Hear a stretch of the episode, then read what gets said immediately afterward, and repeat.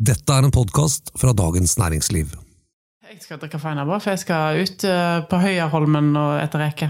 Og du skal drikke feinab til rekene, Mhm. Og så switcher jeg over til tørr etterpå. sånn at du får i deg nok alkohol. Ja.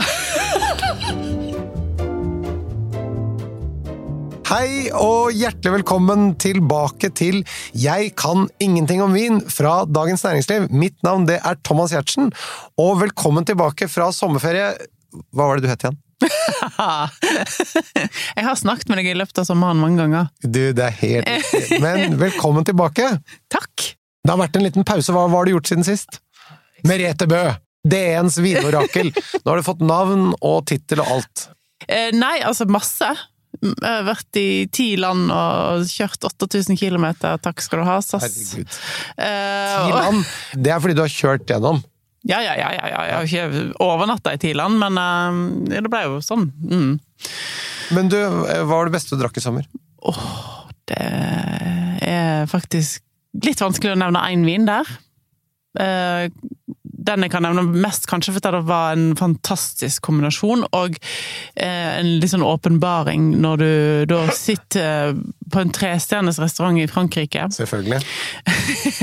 Hvilken? eh, Georges Blad Ok.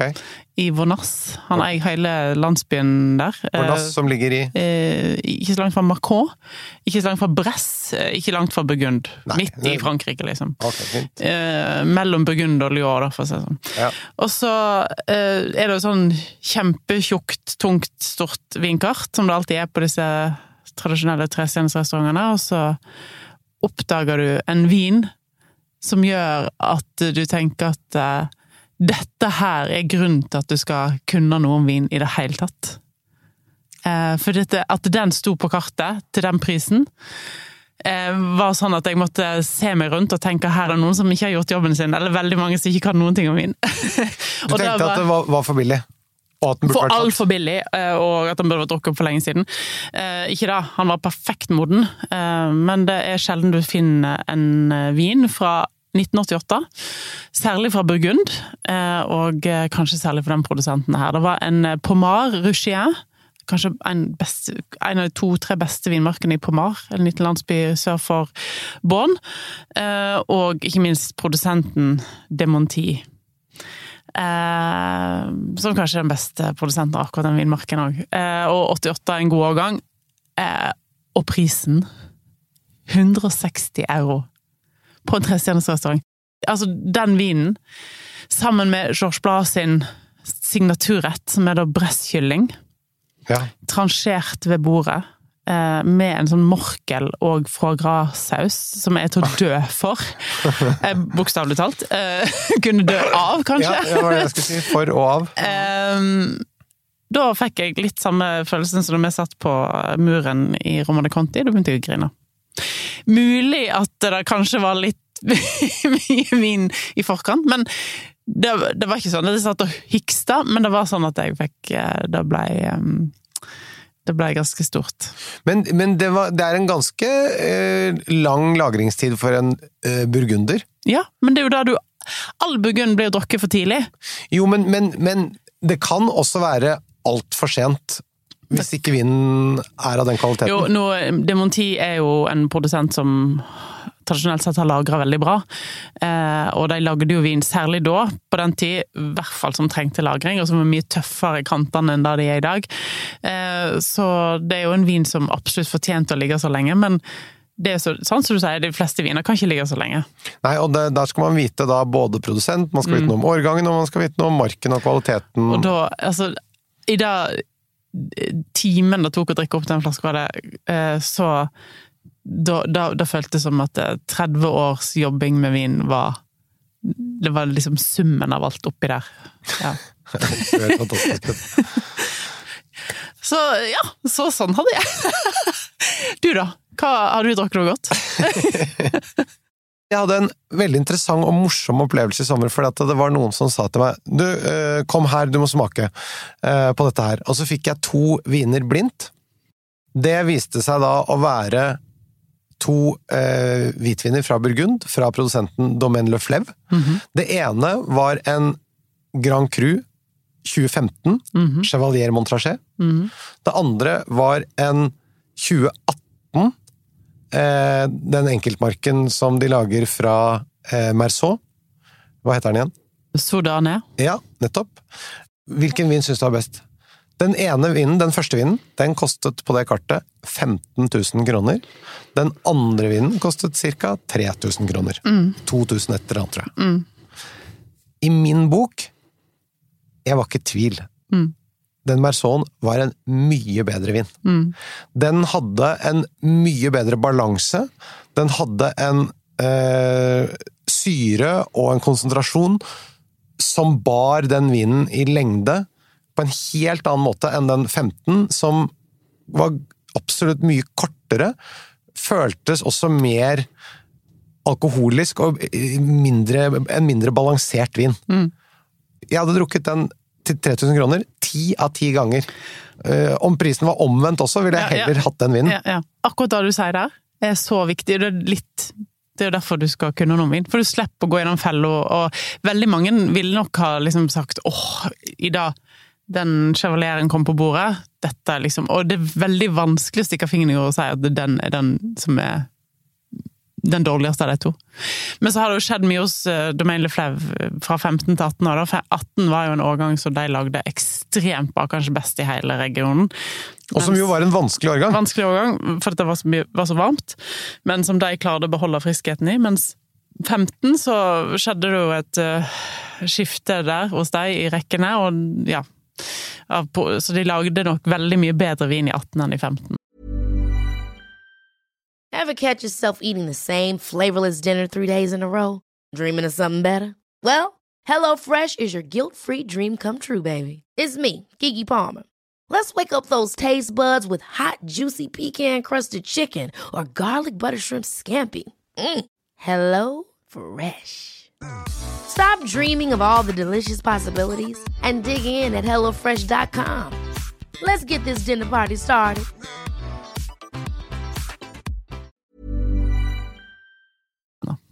Noen nye oppdagelser du har fått? Eh, Nå eh, på tampen av sommeren, og nå i august, så har jeg jo spist eh, mye sopp, mye kantareller. Skulle bare nett plukka bitte litt kantarell til en middag her i helge, og så endte jeg opp med fem kilo. Så da ble det plutselig kantarell til alt, ikke sant? Ja. Men da lagde jeg Og dette var jo en god mat- og vinkombinasjon, og kanskje eh, litt flåsete å si det, men ok, dette, dette får du igjen for lagra vin, da. Da hadde jeg da moskus, ytrefilet, med kantarell. That's it. Veldig enkelt. Oh. Ikke noe annet. Eh, oppi. Litt eh, timian oppi kantarellene, men timian, eh, moskus og kantarell. Ikke saus, ingenting. Bare steikesky, liksom. Og i glasset Chateau Margaux 1966. Som var en, det er en veldig bløt eh, årgang i Bordeaux. Og dette høres jo ekstremt ekstravagant å sitte og si, men vi satt faktisk på hytte og spiste sånne små hyttetallerkener. Det, det var ikke noe Men det er der jeg syns det passer så fantastisk godt å åpne Moden Bordeaux. Det er der jeg ofte sitter og gjør akkurat det. Eh, for da blir det så ekstra godt, liksom. Og den moskusen har jeg hatt i frysen siden i fjor og fikk tak i på, på Dovre. Og det er et utrolig mørt kjøtt, og det var en fantastisk kombinasjon. Men når vi snakker om uh, sopp Jeg fikk et, et tips som jeg bare syns var helt genialt. Istedenfor å bruke salt på den eh, soppen Mm. Du steker den i Jeg steker soppen i klaret smør Mm. eh, for å tåle varmen, og så på slutten så tar jeg vanlig smør og timian og bitte litt hvitløk. eh, Som ikke skal brenne sånn. Mm. Og så istedenfor å salte, så bruker jeg litt sånn thailandsk fiskesaus. Ah. Det skal ikke smake noe thailandsk mat eller noen ting. Nei, nei, men Poenget er at det er masse enda mer umami. Det Ja, sånn- nettopp! Det bare forsterker soppsmaken Mm. og den umamien noe så kraftig. Men du må ikke salte, for den jo, har jo salt. Ja, Altså. ja, ja. Det skal jeg prøve. Men du, jeg må bare spørre, jeg har jo lest sånn masse sånne veldig uhyggelige oppslag om den der tørken i Europa i sommer og sånt nå. Mm. Og det er jo 100 bekymringer som knytter seg til det, men uh, helt konkret i denne podkasten, skal vi avskrive 2022-årgangen? Eh, nei, det vil jeg ikke si. Den, eh, den blir nok en ganske liten årgang. Eh, men eh, For, fordi det er så tørt? Ja, og så fordi at det har vært litt frost i vår, og hagl, og allerede når jeg var i Burgund i sommer, så var jo allerede druene begynt å skrumpe inn, og det var i slutten av juli. Men tror du også det blir veldig høy alkohol på vinene når det har vært så varmt? Det er en stor mulighet for det, ja. Mm. Uansett hva som skjer av eh, omstendigheter og eh, sånn klimatiske ting, så, så handler det også om vinmakerens og vinbøndenes evne til å håndtere det. Eh, og igjen da tilbake til de gode produsentene. De får det til stort sett uansett. Uansett. Og det tror du kommer til å skje i 2022? Ja, jeg tror, da, jeg tror nok eh, det blir noe god vin i 2022 òg, selv om jeg begynner å bli litt sånn lei varme år. Jeg har litt lyst på et sånt kjølig, klassisk, syrefriskt år. Det hadde vært digg. En annen ting som vi også har snakket om, det er jo bra at vinplanten er under et visst stress, så for mye regn, for eksempel, det er heller ikke noe bra. Nei, nei. Nei, du ville kanskje ha litt mer tørke enn regn, sånn sett. Eh, Men du vil jo ha en sånn gyllen middelvei òg. Og en gyllen middelvei i, denne, i dette perspektivet er litt på den tørre siden. Mm. For da stresser du plantene, fordi hvis det kommer for mye regn, så er det litt som å Du har kokt en spagettisaus ned, og det blir masse konsentrasjon og masse smak, og så setter du en vannslange i den på Mm. Slutten, og da den, de vinplantene suger jo til seg det som kommer. Eh, 2018 var litt sånn 2018 var litt sånn uheldig årgang på mange måter, fordi det var varmt. Jeg fikk høy alkohol, og så var det mye vann i undergrunnen som gjorde at det, det, det var eh, Det ble veldig mye druejus. Så potensielt da viner som smaker lite, lav konsentrasjon og høy alkohol. Mm. Og overkokt frukt. Ja. Verste Som du vil kjenne på veldig mange. Chablis særlig, for 2018. Men de kunne ikke, de ville ikke gjøre noe. De bare tenkte yes, vi får en stor årgang med takk og lov, fordi at de hadde hatt så mange, mange små årganger.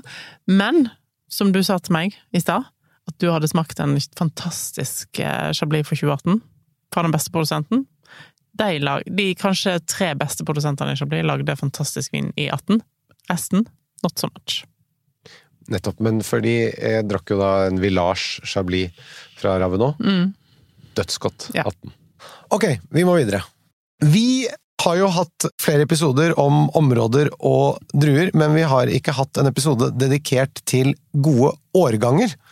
Eh, Og vi har snakket mye om bordeauxer, og hvorfor det er viktig å lagre vin generelt, og bordeauxer spesielt, og hva som skjer når man lagrer vin, og hva som er de beste årgangene. Så jeg tenkte denne episoden skal handle om lagring av gode bordeauxer, og du skal komme med tips om hva som er de beste årgangene eh, som det går an å få tak i av moden bordeaux. Det som er kult med Bordeaux, er jo at eh, du får tak i nesten alle årganger du vil. I motsetning til nesten alle andre områder. I hvert fall i motsetning til Burgund, som man har vært innom. Ja. Det er helt umulig omtrent å få tak i moden Burgund. Men Bordeaux, det er mulig. Og det er jo fordi at eh, i Bordeaux lager jo såpass mye vin. Bordeaux er jo 120 000 hektar med vinmark eh, totalt, hele regionen. Det er jo helt enormt. Og eh, hvert eneste slott lager jo like mye som en hel landsby i Burgund. Og vi kan jo være enige om at bordeauxer som er modne, er jo en fantastisk kul opplevelse som det virkelig er verdt å investere litt i å få, både med tålmodighet og kanskje litt eh, økonomi og kapital også. Absolutt. Men bare for å starte helt bakerst. Det å begynne å lagre matvarer og, og ting vi skal drikke og sånn, det er jo litt spesielt. Altså, de fleste varer de skal konsumeres ferske og fort. Eh, men så har du da noen ting som tåler å lagres lenger, da delvis pga. tilsetningsstoffer og sånn, og ting som er syltet eller tørrvarer og sånn. Og så er det noen enda færre ting som blir bedre av å lagre dem, og som kan lagres ganske lenge. Da har du skinke og ost, og så det som virkelig tåler lang lagring, som er vin, da. Det eneste som kan konkurrere med dette, er kanskje da sånn vakuumpakket oppdrettslaks og rullekake, men, men det blir ikke bedre, da. Det. Men det kan jo ligge omtrent like lenge som Bordeaux. Men hvorfor begynte man egentlig med det? Hvorfor drakk man ikke bare vin med en gang? Det var jo fordi i Bordeaux eh, så hadde de druer Altså, de bruker jo druer som er veldig tanninrike. Eh, og må òg tenke at Bordeaux har ganske sånn eh, kjølig klima, egentlig. Tenk at Det ligger helt ute med Atlanterhavet. Det er kalde vinder, det er kalde, kald trekk fra, fra havet. Og eh, ja, kan du si fram til de siste 20-30 år så har det vært det har bare vært et par virkelig gode årganger hvert eneste tiår som, eh, som lager virkelig modne druer. Eh, så derfor har eh, Bordeaux gått kanskje sånn fremst i bresjen der på å lagre vin, fordi at de var helt fint nøtte da. Vin var ikke drikkende som ung. Men tenkte de sånn og dette her, når vi skal presse disse druene, og så skal vi la det gjære og bli alkohol her, mm og så smaker vi på det. Det var ikke noe godt. Vi bare lar det ligge, og så ser vi. Var det det som skjedde, eller hva? hva? Det veit jeg jo ikke eksakt, men det, det, må jo ha vært noe sånt. Og stort sett alt har jo blitt til litt tilfeldig gjennom historien, og mest sannsynlig så er det sånn dette var så dårlig at dette har ikke vi lyst til å drikke. Vi slår ikke det ut i nettet ennå, og så tar de det fram igjen, og så å ja, det var jo godt.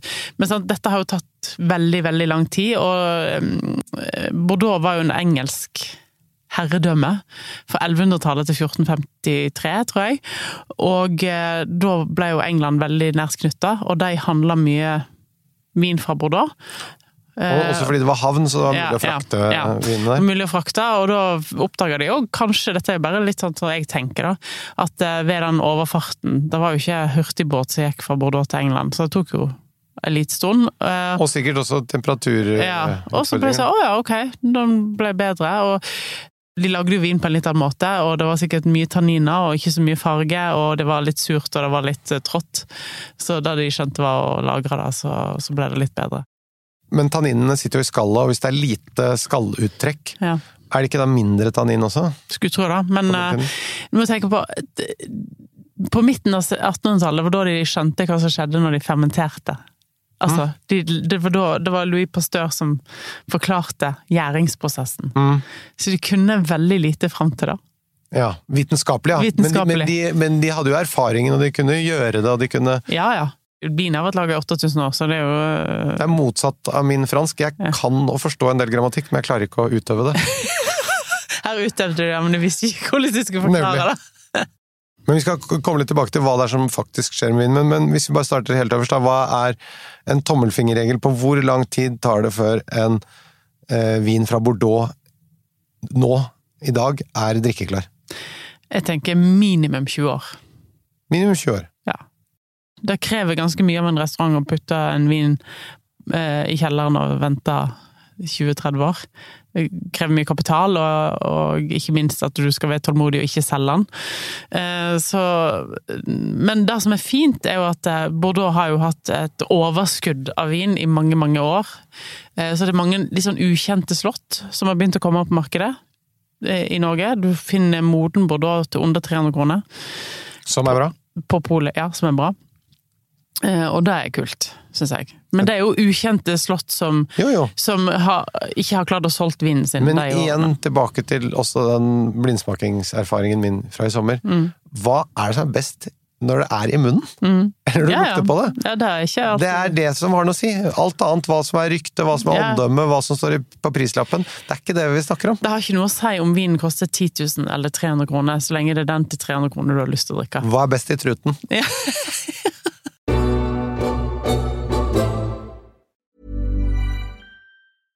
Ryan Reynolds here from Mint Mobile. With the price of just about everything going up during inflation, we thought we'd bring our prices down. So to help us, we brought in a reverse auctioneer, which is apparently a thing. Mint Mobile unlimited premium wireless. Ready to get 30, 30, bit to get 30, bit to get 20, 20, 20, bit to get 20, 20, bit to get 15, 15, 15, 15 just 15 bucks a month. So, Give it a try at mintmobile.com/switch. slash $45 up front for 3 months plus taxes and fees. Promo for new customers for limited time. Unlimited more than 40 gigabytes per month slows. Full terms at mintmobile.com. Ever catch yourself eating the same flavorless dinner three days in a row? Dreaming of something better? Well, HelloFresh is your guilt-free dream come true, baby. It's me, Kiki Palmer. Let's wake up those taste buds with hot, juicy pecan-crusted chicken or garlic butter shrimp scampi. Mm. Hello Fresh. Stop dreaming of all the delicious possibilities and dig in at HelloFresh.com. Let's get this dinner party started. Hiring for your small business? If you're not looking for professionals on LinkedIn, you're looking in the wrong place. That's like looking for your car keys in a fish tank.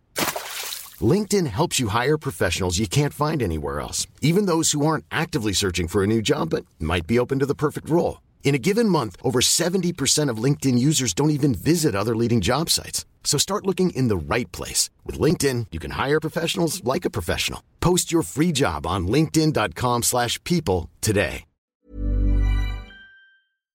Hva, hva er det som skjer med vin når den lagres? Det må du ta en gang til. Å reise til Bordeaux og gå på noe som heter entreprenørsmaking, altså det vil si at du smaker i april den vinen som ble laga i fjor. Altså, det er så heftig. Det er sånn at hele tunga di, munnvikene, alt bare snurper seg sammen. Du hadde ikke villet drukke et glass av det. Og dette er da bitterstoffer som er i vinen, kommer fra eh, eh, skall, stilk Mm. og, og sten, og som da eh, har en form i begynnelsen som gjør at du ikke får lyst til å drikke det. Nei. Det er som å stå tygge på en kvist. Ja. Og så, hva skjer så? Nei, og så når den får litt tid da, på seg, så Hva skjer da? da modner den. Ja, men hvorfor? Eh, Fordi det kommer oksygen inn av korken. jo, jo. Ja, vi må ta det alt. Vi må ta det step by step her nå. Det, en ting er at du kan det, og gjør det og bare snakker om det, men nå er det oss som ikke kan alle detaljene, vi vil gjerne høre. Ja. Eh, Det blir jo en mikrooksidering eh, gjennom korken. Det er jo noen Bordeaux-slott, faktisk, som har eh, begynt å eksperimentere med, eller har eksperimentert i flere tiår, med skrukork. Ja. Den, der er det veldig morsomt å se forskjellen på samme vin med skrukork Ja. og vanlig kork. Vanlig korken er jo sånn som du forventer at en Bordeaux-vin skal være etter 20 år, Mm. mens den med skrukork er ekstremt ung. Fortsatt. For der kommer det ikke kommer det ingenting. Med mindre ikke det har fått et slag eller et eller annet Ja, sånt, ja. for da blir den jo, Ja, men da kommer det veldig mye oksygen, ja. oksygen, og da går den sikkert fort. Eh, Så, så der får du liksom beviset, da. eh, At uh, hva en vanlig kork gjør. Men den oksygenen som da kommer inn, den påvirker da disse bitterstoffene, tanninene, til at de endrer karakter, som gjør at de blir mer avsleppende og oppleves mer eh, hva skal vi si for noe eh, myke og behageligere å drikke. Absolutt. Og så påvirker det vel også da aromaene. Ja, altså De aromaene som du får i en fersk bordeaux, er ofte sånn veldig sånn solbær, plomme, mørkebær-karakter, og så har du litt eik, fordi alle lager på eikefat, stort sett. Eh, og disse her er jo veldig sånn uintegrerte og kantete, og så har du disse tanninene, og det er veldig mørk farge, og det er mye av alt. Eh, og så etter 20 år så begynner dette her å som etter hvert begynner å bli litt mer integrert i hverandre, og du får tanninene blir mjukere. Em, disse plommene og solbærene går over til å bli litt mer sånn stall og sedertre og tobakk og sigar og lær og, eh, og sånn. Og så har du òg litt Den frukten er der, men den er blitt veldig moden og kanskje nesten litt sånn tørka frukt. Eh, du får mye mer breiere smak, breiere duft. Du kan sitte og beskrive den vinen, bare sitte og lukte på den. Det er bare helt eh, Det er ingenting som smaker og lukter sånn som det der. Jeg hadde en, bare for et par dager siden en vinsmaking for 100 stykken. Og der hadde jeg en moden Bordeaux for 2001. Uh, og så sa jeg at dette er kanskje litt spesielt for noen, men jeg oppfatta det sånn at alle syntes det var dødsgodt. Dette her er litt sånn vin for voksne. Altså, det er så deilig å få noe som er modent av og til, for det er sjeldnere og sjeldnere, dessverre. Men, men, men jeg skjønner hva du sier, og jeg er enig i det, men jeg vil bare for min egen del legge til at hvis du har tre kategorier, da, så har du den først den helt ferske som du beskrev nå, med frukt og alt det derre lette og tilgjengelig friske og så videre, og av og til for mye tannin, som jo heller ikke er noe godt, eller som for, for stramme og for umodne og unge tanniner. Og så har du en fase etter det, som jeg syns personlig er fantastisk, som både har friskheten fra frukten, og som har fasthet osv., men du har fått rundet av tanninene, og så har du disse modningstonene og aromaene på toppen som gir en større grad av kompleksitet i vinen. Og så har du den, en senere fase hvor jeg syns en del av frukten forsvinner, og da mister du jo også noe av den kompleksiteten som var i midten der. Sånn at eh, da syns jeg at da blir det for brunt og for eh, mørkt og for gammelt for meg personlig. Ja, altså jeg har jo smakt eh, noen som har bikka over, og det er jo veldig, alltid veldig trist når det har skjedd. Men det er altså oksygen som gjør det. Og apropos, husker du den scenen fra Succession der hvor de snakker om å, å hyperdekantere? Hør på dette her. Will is finishing up a rewrite. Would you like a drink? Uh, no, I'm good. Okay. What's uh, what's in the smoothie? Burgundy. I'm sorry. I hyper decant. You don't hyper decant? You're just doing regular decanting? If by regular decanting you mean pouring into my open mouth, yeah. You should hyper decant. It softens the tannins, heightens the aromas. You can age your wine five years and ten seconds. Kan man ikke bare gjøre det isteden? Det er ikke så lett, nei. Det, og jeg, det, det skjer ikke fem år. Men selvfølgelig får du litt igjen for å dekantere en vin. Jeg pleier å si at eh, når folk spør hva, dekan, hva vin skal dekantere, så sier jeg at du kan dekantere all vin. Hvis ikke han er for gammel. Egentlig da du Hvis han er veldig gammel, så skal du være litt forsiktig. Sånn så jeg dekanterte ikke 66 eh, Margot, for fordi jeg ikke visste helt Ja, for da kan den plutselig tippe. Den kan plutselig tippe.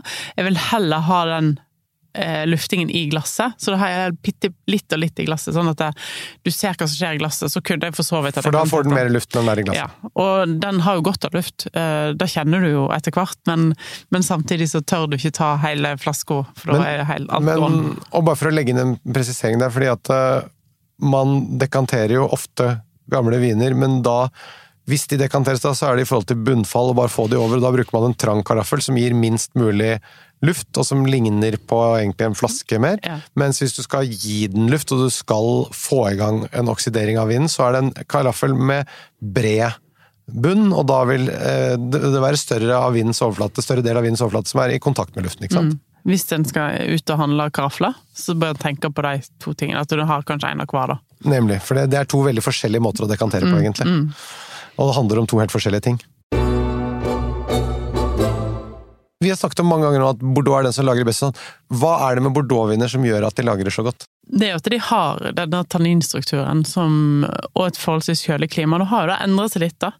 Eh, Det er blitt varmere og varmere årganger, de blir tidligere og tidligere modne. Så en kan jo ha en viss glede av en Bordeaux fra 2004, for eksempel. Eh, 2008, altså årganger som tidligere hadde vært helt umulig å drikke, nesten. Eh, Men fordi av klimaendringen? klimaendringer, og at det er blitt varmere, at eh, tanninene kanskje ikke er så røffe sånn som de var før. Og ikke minst at det, i dag kan vi nesten designe en vin til å bli akkurat der du vil. Så teknologien er blitt så mye bedre. Og ikke minst òg at eh, folk har ikke samme tålmodighet som før. Men er ikke alt sånt i dag? Vi vil ha alt kjapt. Det skal gå fort. Det er eh, Ja, dessverre. Jeg vil ha det levert på døren i morgen. Ja. Hvis vi kjøper mye vin, så blir barna våre veldig glad for det på et eller annet tidspunkt. Det er jeg enig i. Du var så vidt innom det tidligere her. Viner fra Bordeaux øst- og vestside. Hva er bare kort repetere de generelle forskjellene? Eh, Det er forskjell både på jordsmonn. Eh, På øst er det leire mer, eh, og på vest er det grus, hovedsakelig. Det krever jo litt forskjellige typer druer. På vest er det mest Cabernet Sauvignon iblanda Merlot, Cabernet Franc, Petit Verdot, lite grann, ofte.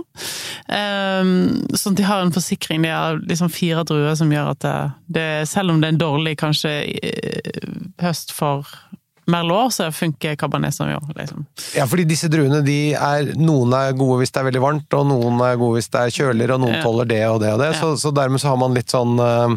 Flere bein å stå på. Ja. Eh, mens på øst så er det da eh, mest Merlot og Cabernet Franc. Ja. Og hvis vi snakker øst, så er det eksempel Pomerol Og og Saint-Emilion. Og så har Saint-Emilion masse sånne satellittkommuner. Her, her kan du finne ganske mange gode kjøp, for her er ikke de ikke så kjent, og de er ikke klassifisert i slott og sånn. Men det er ofte viner som koster sånn 200-400 kroner, som kan lage veldig god vin. Og så har du vestsiden, som da er Ja, her ligger Medoc, og i lenger sør, da, imellom disse her, så ligger det da Grav og Pessac Leognan, som òg er men kjente appellasjoner der oppe i, på nordvest. Det er jo eh, Pauillac, Saint-Steff, Saint-Julien, eh, Margot ja. Ja. Og for å spørre om det, er det noen av disse sidene som lager bedre enn den andre? Det er litt vanskelig å se, for jeg kommer an på slottet mer enn eh, plasseringen, vil jeg påstå. Eh, men hvis du går på litt sånn lavere kategori av slott, så føler jeg ofte at øst kanskje er tidligere modne enn vest. Men da går du på litt sånn Men nå er du litt uh, finmaska nå, og, litt mer komplekst, så Ja. det, er noe, det er vanskelig å si noe helt generelt her. Det er vanskelig å si noe helt generelt. Du skulle tro at eh, Medoc med sin cabernet jo lagrer bedre, men det er ikke alltid sånn, faktisk. Så eh, ja. Men de er litt sånn bløtere i stilen, ofte litt mer florale og litt mer delikate i eh, øst enn de er i vest. da. Og da er vi til kjernen. Hvilke årganger er de store årgangene fra Bordeaux? Ja. Fra vår levetid, da. Og da starter vi med Ja, for jeg har jo lyst til å gå tilbake inn sånn det kan vi ikke. 1900. Nei, nei, nei. Vi starter med 1971. Ja. Jesus, du er streng, altså. um, ja, Når røyk halve, planen din? ja, eh, jeg har jo bare lyst til å nevne at eh, hvis du er så heldig å få smake årganger fra 40-, 50- og 60-tallet, særlig 40-tallet De er ekstremt unge i dag, 45-47 og sånn. Det gir deg en sånn pekepinn på at du faktisk, selv om du føler at du kan mye om vin, at du kan ingenting. Ok, dette var Directors Cut. Nå, Ja. går, vi i, nå går vi inn i det som denne episoden handler om. Nemlig fra 71, som, som vi har satt. Ja, eh, 70-tallet hadde ikke så mye fantastisk, egentlig. Nei. Så vi hopper over 70-tallet. Jeg har lyst til å nevne eh, årganger i tre bolker. Ja. Eh, for årganger som er modne nå, årganger som er i ferd med å bli modne, eh, som du fortsatt får tak i, og årganger som er superferske, som, eh, Men som, til, som du tror kommer til å bli bra. som jeg tror kommer til å bli bra, og som eh, Ja. Okay, Hvis du og- skal drikke det noen gang, så er det med Jeg? Ja, Ja, da er det med gebiss og bleie, ja. Ja. Det riktig. Hvis det var det du tenkte på. Takk for det. Skal vi starte med de aller ferskeste yngste, da? Ja. Det er det som er lett, aller lettest å få tak i. Ja, de er ikke alle som er kommet ennå heller, så det her er det noe du kan tenke at du skal kjøpe. Og følge med på. Eh, Ja, følge med det på. kommer an på hvor gammel du er, for dette er jo ting som er Når tror du dette er drikkeklart? De du skal nevne nå? 30 år til. 20-30 år til. Ja. Minimum 20, tenker jeg. ja. Ok, Mm. greit. For dette er varme årganger alle sammen. Ja. Ganske bra konsentrasjon i disse vinene. Det er årgang 18-19-20, faktisk. De påstår det er alltid vanskelig å si, da, men de påstår at det er det første gangen Bordeaux har klart å levere tre årganger på rappen som er virkelig bra. Ok, Og, det, og de, du vil ikke trekke frem en av dem som bedre? Jeg syns kanskje 19 har en litt bedre friskhet. Vi har ikke smakt så mye 2020 ennå. Men jeg liker, personlig liker jeg 19 bedre enn 18. da. Men uh, det er tre store årganger alle sammen som, som uh, ja. Ok, 18, 19 og 20, men det er glem det. For- ja, da kjøper du til barn og barnebarn, tenker jeg. I hvert fall barn. ja.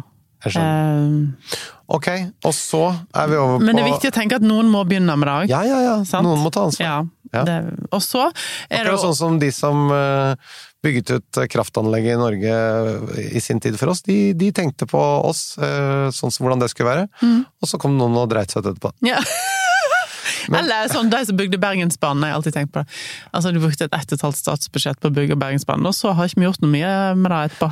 Så det, det må man huske på, at det er greit at vi kjøper det nå, med tanke på det, men det kommer en eller annen idiot og bare knuser hele kjelleren etterpå, så er det klart, da hjelper det ikke. Nei, det hjelper ikke. Nei, så ikke gjør det.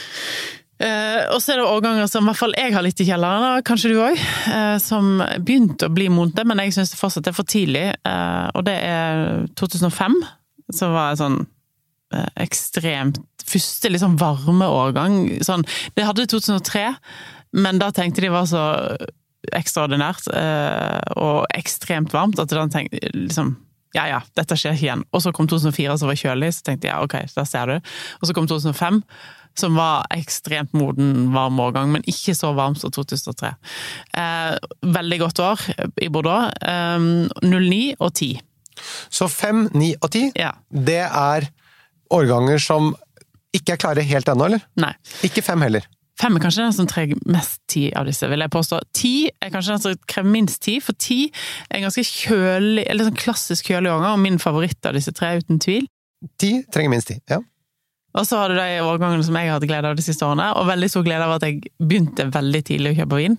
Og det var tidlig 80-tallet. 1982, for eksempel, så var kan ikke noe for det. Det var gjennombruddet til Bordeaux i moderne tid, kan en si, og eh, eh, gjennombruddet til for veldig mange å samle på vin.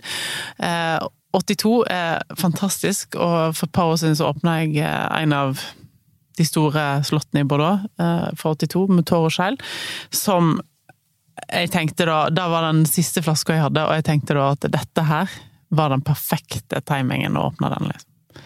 Den var helt magisk. Og den vinen jeg har drukket veldig mange ganger, og den har aldri vært bedre. Og 85, litt undervurdert årgang. 86 var på en måte litt sånn to sånne naboårganger, men jeg liker veldig godt 85. Kjølig, delikat, veldig klassisk årgang. Og så 1990, som òg var et varmt år. Kan jeg bare få skyte inn fra innbytterbenken her at jeg fikk jo kjøpe av Ja. han vennen til faren din. Mm. 1986. Mm. Grodlaros. Mm. Eh, den ene flaska først, veldig mye stall, og jeg tenkte dette var eh, Mm. over the top. Den andre flaska jeg åpnet, helt fantastisk. Den hadde frukten intakt, og hadde bare fått masse kompleksitet. Var helt fantastisk. Mm. Så flaskevariasjon er jo her. Det det Det må man huske på. Det må man huske på, til tross for dette var jo liksom eh, Noe som sikkert er oppbevart helt perfekt òg, men allikevel så vil det være flaskevariasjon på eldre viner. Sånn er det bare.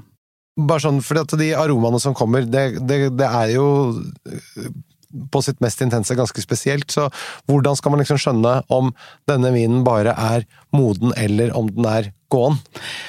Eh, den lukter, når den er blitt over the top, så lukter den ofte veldig sånn oksiderte frukter og epler og sånn.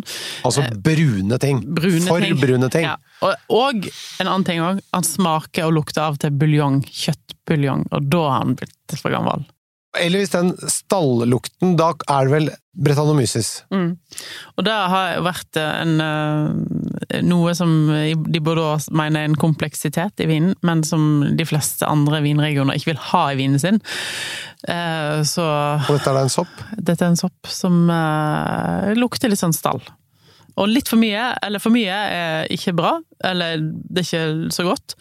Lite grann eh, kan være litt, kan være litt deilig. Det tåler vi. Ja.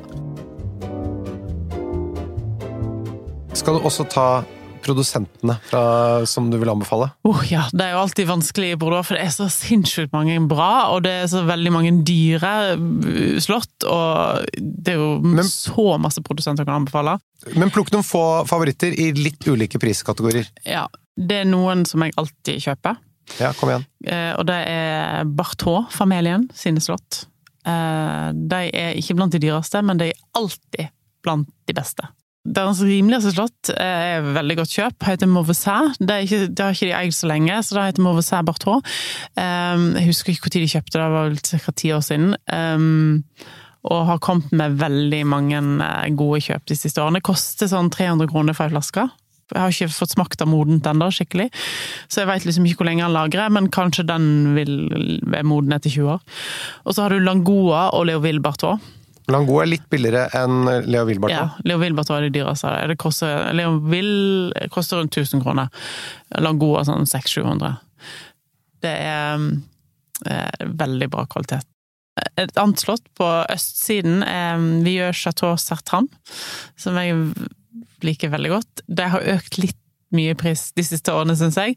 Eh, Men de har jo òg en annen vin som heter um, Gavrette de Satan, som eh, jeg syns er et veldig godt kjøp. Fins stort sett på polet i en eller flere årganger. Der fikk vi en østside, og det er bra. Mm. Eh, og eh, en annen bordeauxvin jeg ofte kjøper òg, er Chateau Latour. En av de beste slottene. Eh, sin Det kommer litt an på hvordan du definerer det, men andre eller tredje vin, som heter Pojak. Heter bare Pojak, og er et veldig godt kjøp. Koster mellom 800 og 900 kroner. Den anbefalte du i den uh, spørsmålspodden vår. Ja, Stemmer. Du får et snev av eh, storheten i Latour, men en, eh, det er ofte litt yngre vinstokker som blir brukt til den vinen. da. Eh, og så hvis du har lyst til å teste ut moden Bordeaux, så er det jo et par eh, som er tilgjengelig på polet nå. En som jeg har drukket flere ganger i sommer, er en fra Saint-Emio som heter Saint-Hubert. Som fins i litt sånn forskjellige årganger, og alt ligger under samme bestillingsnummer, så her vet du ikke helt hva du får, men alle er veldig gode kjøp. Det er i hvert fall har vært tilgjengelig 2001, 2004, 2008 og 2010. Her var det masse. Mm, og den, den koster sånn 300 kroner, og et utrolig godt kjøp. Men du, nå sitter jeg bare her og tenker på én ting, og det er at jeg skal kjøpe noe god entrecôte. Og så skal jeg vispe sammen en bearnés Noen grønne bønner skal jeg koke, og noen små poteter skal jeg koke og bake litt i ovnen. Og så skal jeg drikke moden bordeaux. Mm. Åh, dette gleder jeg meg til. Tusen takk for i dag! Takk for det. Men du, for min del så er det jo ikke noe poeng å drikke den gegen, for jeg, det er jo ikke fordi å få i meg mest mulig alkohol som er poenget. Jeg skal ut og spionere på ungene, for de er på Murstad. Tom Murstad. Og da er det viktig å være litt full når du spionerer. Da har du en unnskyldning.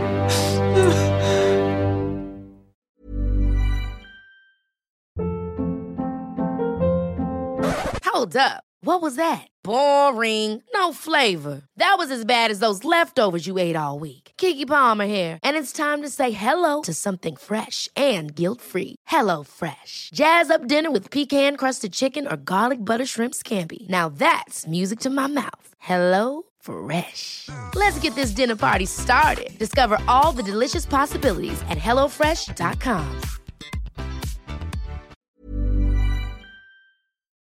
Du har nå hørt en podkast fra Dagens Næringsliv.